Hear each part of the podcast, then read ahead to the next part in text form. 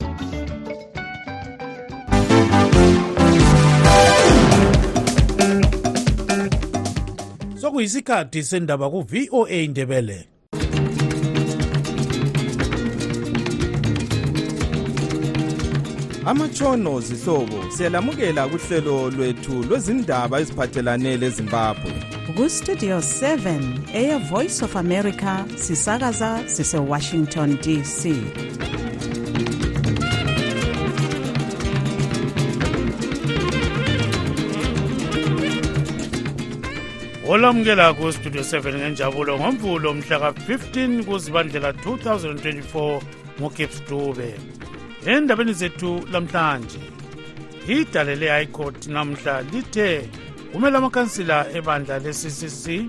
axotshiswa ngumnumzana sengezo jabango amelele okuza kwethulwa lidale leli kusikhatshana esilandelayo hayi indaba zikasikhala sihlala sikhuluma nsuku zonke ukuthi usikhala kala macala kamele angabe egciniwe ejele sikhangelele ukuthi akhitshwe phandle nje nxa kule ngaba le mbuzo ekhona emthethwandaba abebuzwa evela endlini lokhu kwenzakala ngesikhathi umnumzana job sikhala ebhekane lecala nokutshotshozela udlakela lelamelika lithi lizanika elezimbabwe izigidi ezedlula amakhulu amabili zamadola emelika 208 million united states dollars yokulwisana lokumemetheka kwegciwane le-hiv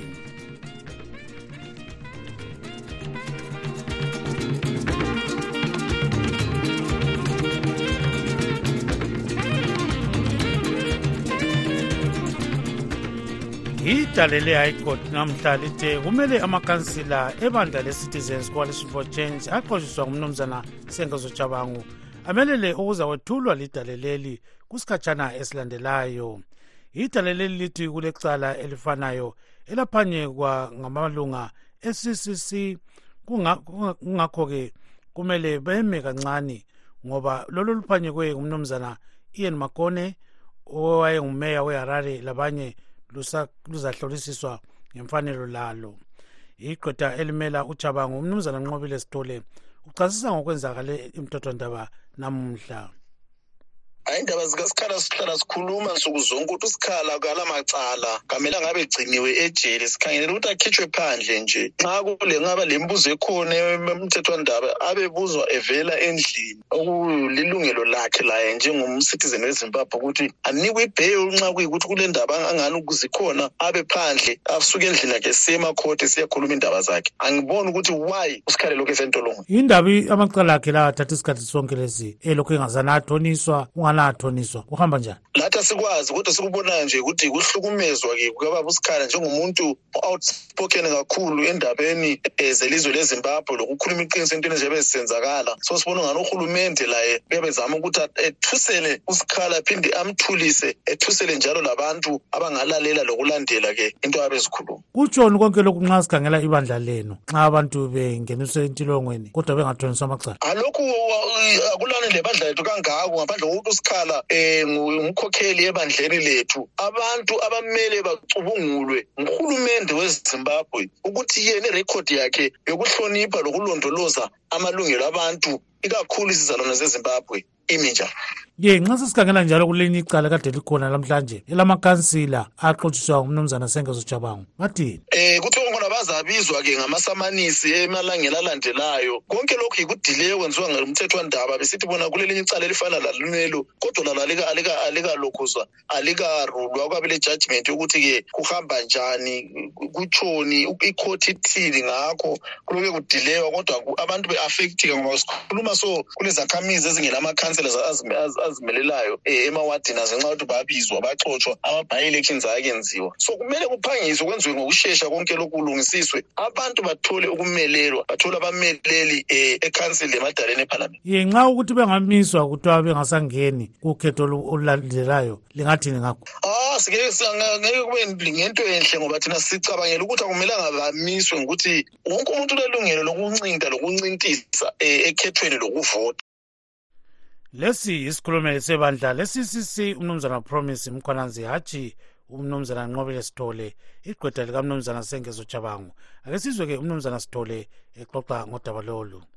Eh namhlanje singenile enkantolo emini eh udaba loliyana ekade eh, ngikhulume ngalo izolo eh inkundla elufake eceleni okwenze ukuthi elufake eceleni eh ukuthi kulolunye udaba olofayilwa ngabantu bonabo futhi um kwenye inkundla udaba lonolo alukapheli ngesilungu njalo ngamabala e, e, e, omthetho ama-proceedings have been stayed pending the determination of this other case so into ababeyenzile ukuthi bafayile amasamanisi bathe befayile amasamanisi bagijima futhi babuye enkantolo besenze i-agent chamber application um into abakhuluma ngayo yinto yona liyana ekumasamanisi so um lathi sasikureyizile khonokho ngakho sivumelene njengamagqwethu ukuthi hhayi um umthetho kumele ubanjwe ngendlela enjalo eh ngakho-ke akulamuntu owinileyo akulamuntu oluzileyo eh amasamanisi yiwo asezadetermina i-conclusion of this matter nxa usithi amasamanisi baba sithole utshoni njalo abe qondiswe kubani um o-ian makoni labanye eh into abayenzayo ukuthi bahamba enkantolo besebenzisa amasamanisi inkantolo yezimbabwe uyilanda ngendlela ezimbili uyilanda through amasamanisi kumbe eh, okunye esithi ngama-applications khonokho ama-agent application chamber application court application so bona baqala bahamba enkantolo besebenzisa amasamanisi isamanisi lona liyabe lisitsho ukuthi icase le kayizwiwa on an agent basis so then kuthe benze njalo basebe kubuya-ke sebesebenzisa i-agent process yona leya kade sebeyizama yiyo-ke i-agent process e, ebisele emuva ukuthi kababuyele emuva bayeqalisa bayeqedisa khona khona babekuqalise kungamasamanisi umnumzana nqobile sithole ligqwetha likamnumzana sengezojabangu sixoxe laye eseharare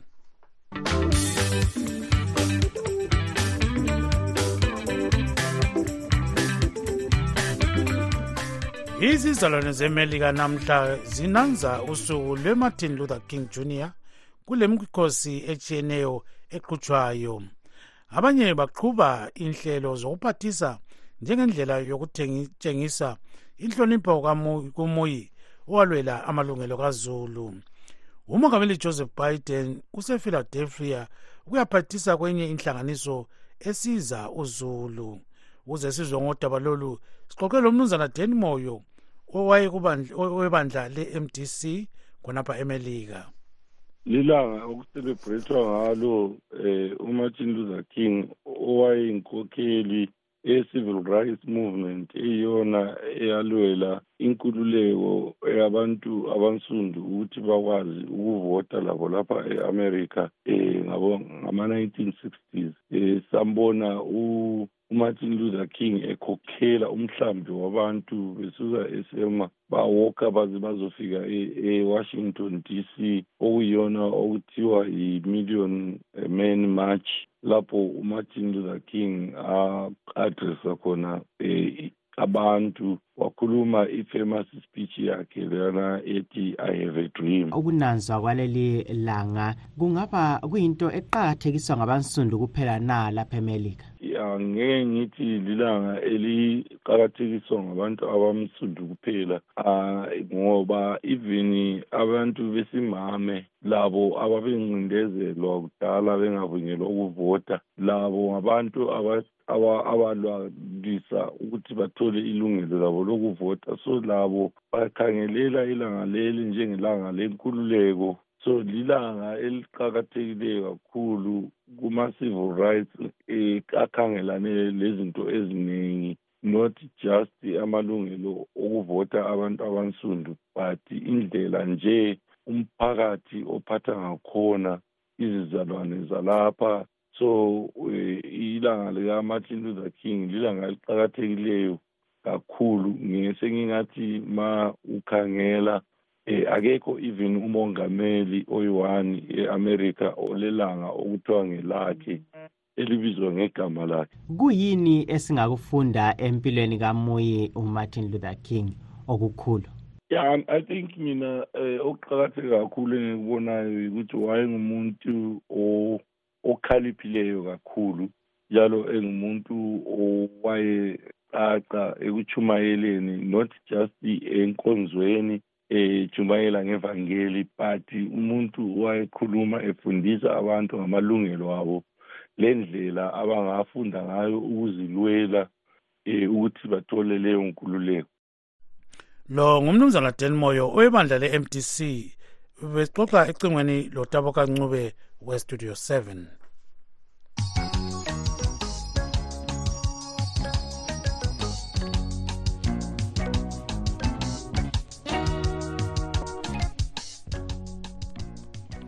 abantu kwele melika namhlanje bakhona ngale-ke e-iowa lapho balungisela khona ukhetho lwama-republicans olokudinga ozamela ibandla leli kukhetho oluzakwenziwa lo nyaka ngolwezi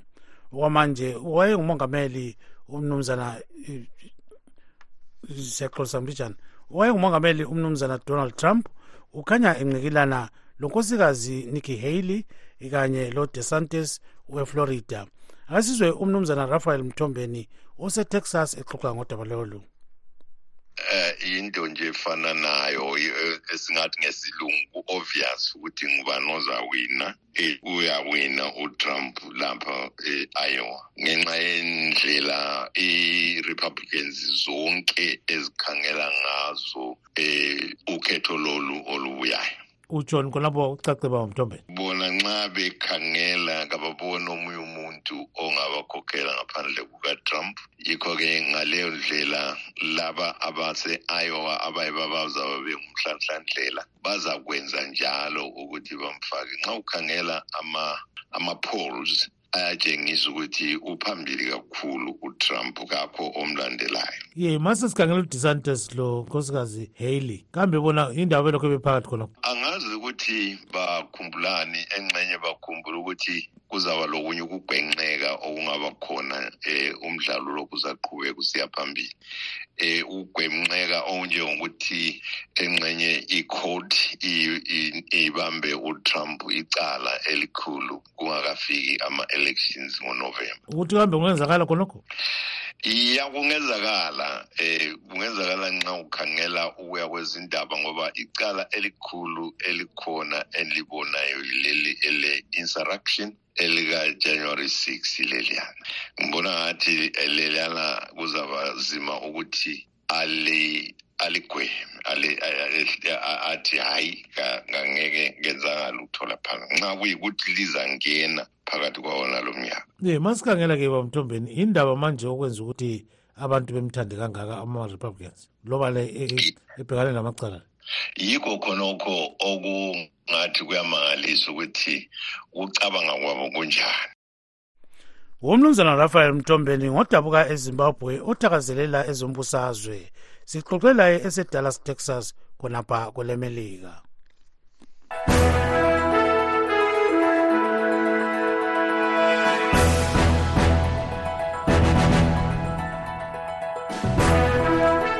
singakangeni kusigaba esilandelayo sike sikhangele ezivela kwamanye amazwe ngamafitshane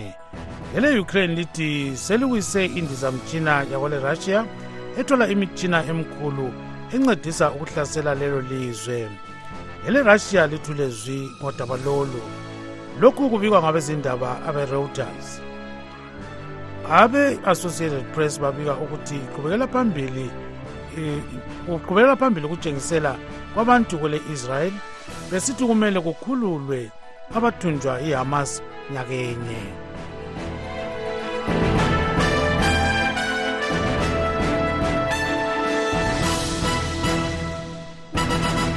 kwezempilakahle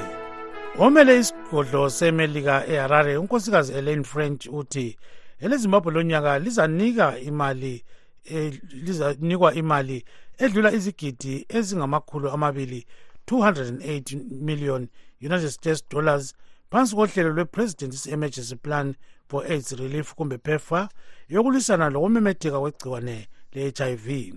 sixoxe ngodaba lolu lesiqoqamfundo usolwayo ngwenya osebenza empilo hospital lapha ukhuluma ezimele nxa imelika ingapha ilizwe lakithi imali engako kuphefa program lokhu kunganceda kakhulu elizweni lakithi ukuvikela umkhuhlane lo we-hiv le-aids lokugcina impilo zabantu ukuthi abantu baphile kahle yinto engayemukeleka ebantwini nxa bengezwa ukuthi kuzabuya imali enjalo uhlelo lolu luhlelo oluhle kakhulu njalo iminyaka yonke le edlulileyo soluncede abantu abaningi khathesi kukhanya abantu abaningi abafika i-one point two million bangani bathatha ama-a r vs yikho-ke nxa uhlelo lolu lusiya phambili kutsho ukuthi abantu bazaqhubekela phambili bencediswa ukuthi bazuze ama-arvs abo ngesikhathi lo umkhuhlane we-hiv lo aids hiv lo wawusumemetheke kakhulu emazweni abantu abansundu yikho-ke ama-programs nje anjengabophefa la anceda kakhulu ukuthi umkhuhlane lo ube ngenani uye phansi singathi uma nxa ukhangele baba ngwenye bona zani uhlelo lunje lunceda abantu abanjani njalo nxa utshala ukukhangikhangela kulabo abagulayo luyabasiza kanganani uncedake lo iprogram le ebantwini abathi babe bethestiwe batholakala ukuthi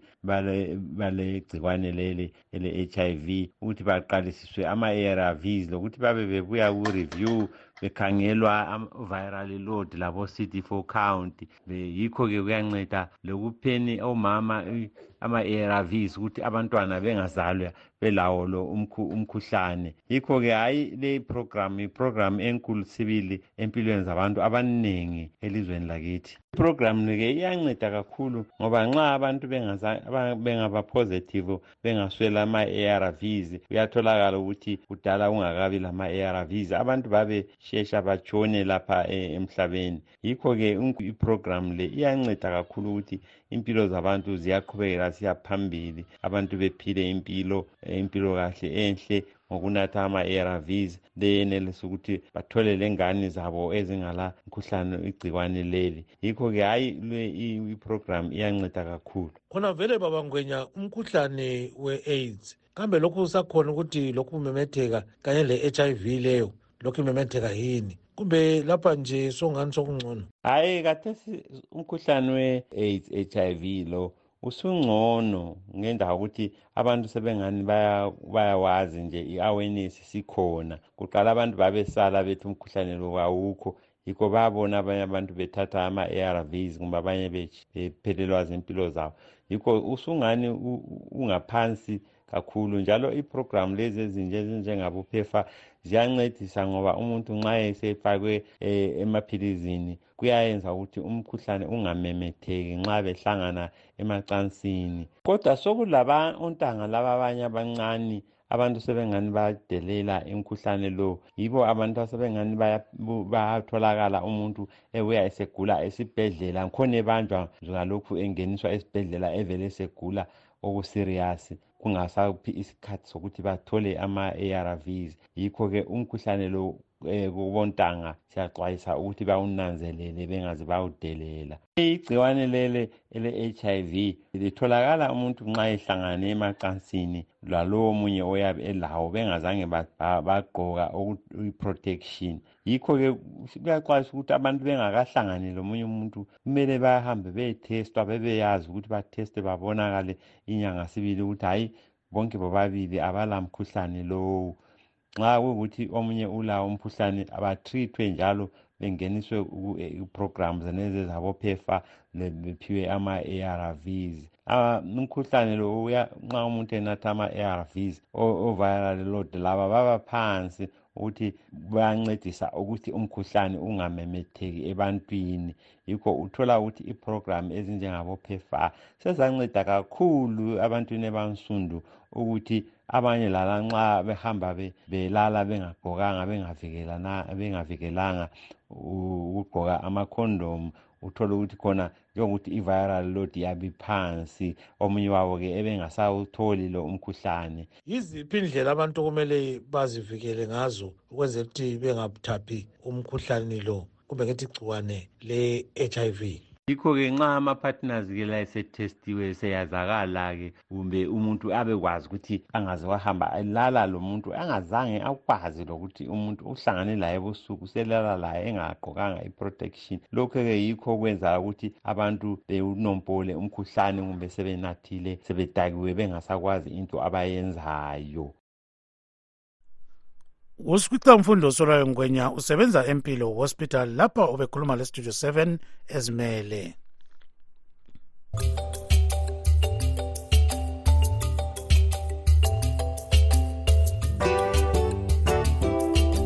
sokuyisikhathi sabalaleli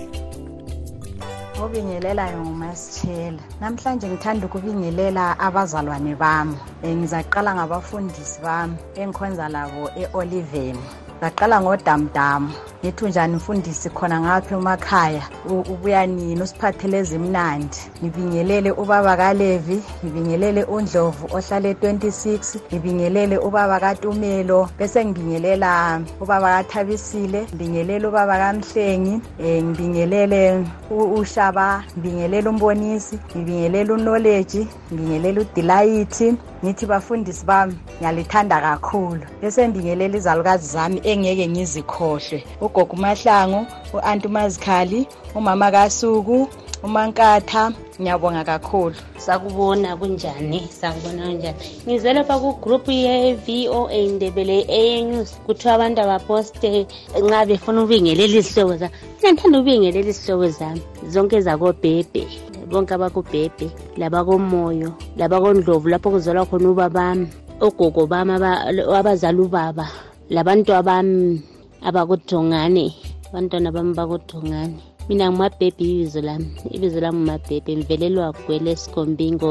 emadeweni kofayabo salibonani ngibingelela umdeni wami komhlanga emateme lapha sibingelela ngise-south africa ubaba umhlanga umama umagumede ifemili yami kobaba omncane sabrenda ngibingelela bonke nje emateme layini laphana kukhuphuka village yimi ukhiwa umntakamhlanga salibonani studio seven linjani basakazi bethu esilithandayo sibingelele bonke abasakazi bethu abatu ezra chisa sibanda utungamile inkomo utavoka sibingelele bo-anastensia siyaluthanda lonke sicela inkosi ligcine ngibingelele ekhaya entaba zinduna emabuthweni line ngibingelele umama madube ngibingelele izihlobo zami ese-uk ngibingelele izihlobo zami eziserussia ngibingelele izihlobo zami ese-south africa ngithi ngilithanda lonke salibonani studio 7 ngiyalibingelela lonke basakazi bestudio 7 libingelelwa umandlovu emanama ngibe ngicela ukubingelela okwakuqala ngithanda ukubingelela umama wami kanye nabazukulu bakhe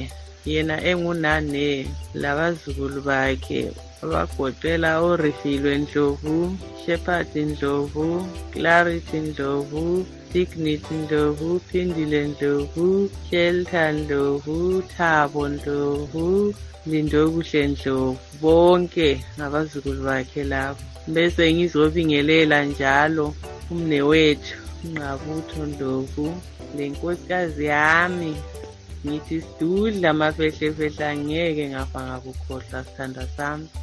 esingumangwenya hhayi ngiyakuthanda nkosikazi yami ngawukukhetha phakathi kwabo bonke awonke amalubo omhlaba ngikhethe wena ngithi khuluza ukhokhobe ngiyakhela umuzi wami uzube lesinyayi nkosikazi wami bese ngizobingelela abangilaleleyo ngalesi sikhathi abasemagumbini wonke amanomhlaba abangazi ngithi hhayi ngithemba singenile emnyakeni omutsha ngithi yephi yephi nyuye kini lonke kini lonke kodwa hayi bengikucela ma singangeni sidonsa amasaka esiwafile ngo-2023 asiwachiyeni ku-2023 singenele emgodla engelalutho sizoyifila izinto ezinhle kuphela ezika-2024 yancenga yini yalwane lezimbabwe salibonani salibonani um eh, obingelelayo ngujamjet mkomane libaba umzacazaca ngibingelele laphana ungamile nkomo um nabalaleli um linjani nonke um ngumzaca lo okhulumayo oyenza icomedi ninjani ninjani basakazi bakastudio seven nangu sithandazile dube uyabulisa lana lana eSouth Africa engihlala khona ejohannesburg ngithi sabona juliet dlamini ongumngane wami lama-members onke e-mrp berea branch ngithi mthwakazi khaxa kini nonke ngisuke kwele-south africa ngiphume ngingene echipinge ngithi njani dadewethu ntongo misisithole kanye nemuli ngiphume lapho echipinge ngiye kobulawa yephumula nokuthi ngithi sabona oweni ncube unjani mngane wami ngisuke kobulawayo ndibhekise butswana ngithi sabona nhlanhla masumbika kanye lo-ela ela dube ngiphume kwele botswana ngihambe e-amerika into njani thembi sisithembi umisiss khumalo ngiyabonga kakhulu msakazi ubalungela bonke laba abantu unkulunkulu alibusisi siyabonga kakhulu lihlale lingena phela kuhlelo lolu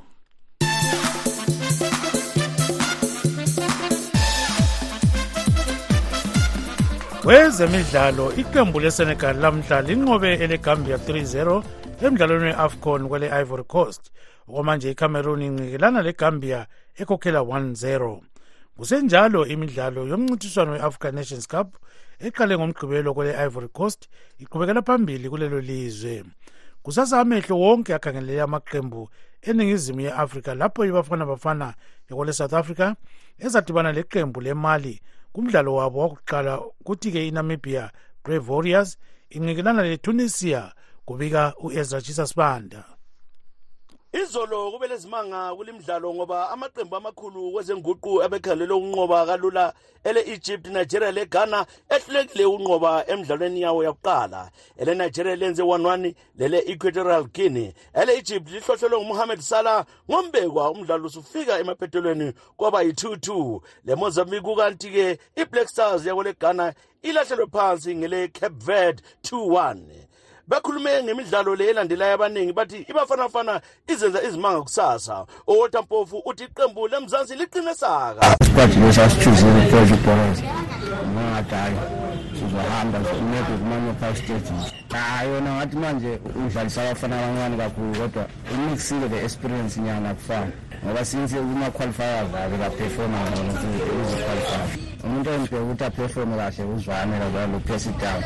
uchris zulu uvumelana lo mpofu esithi lizadlala ngamandla iqembu labafana bafana ngibona ingathi ibafana bafana ingenza kahle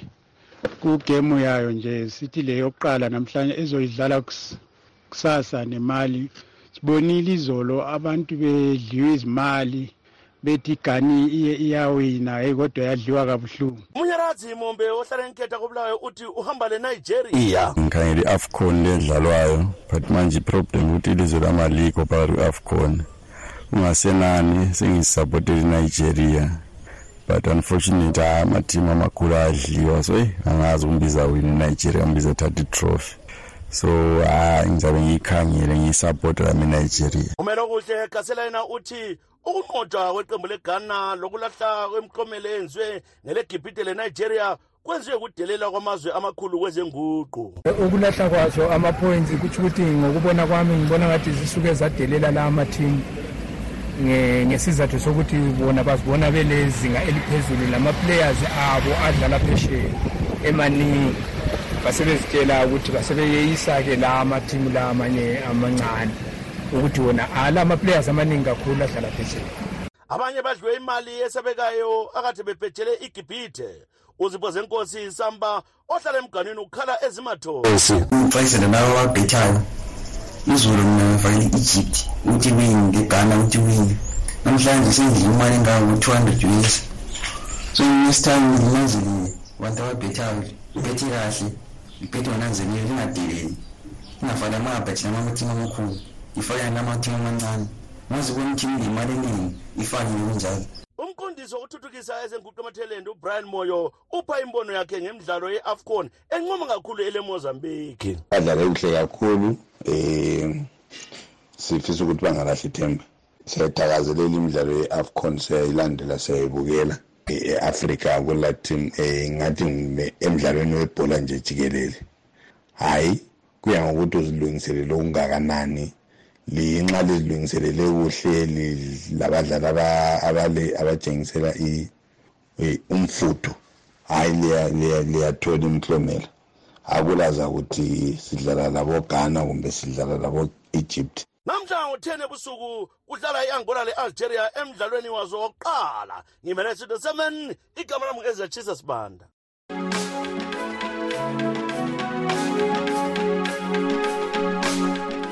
kulaptop namhla sixoxa ngemidlalo ye-africa cup of nations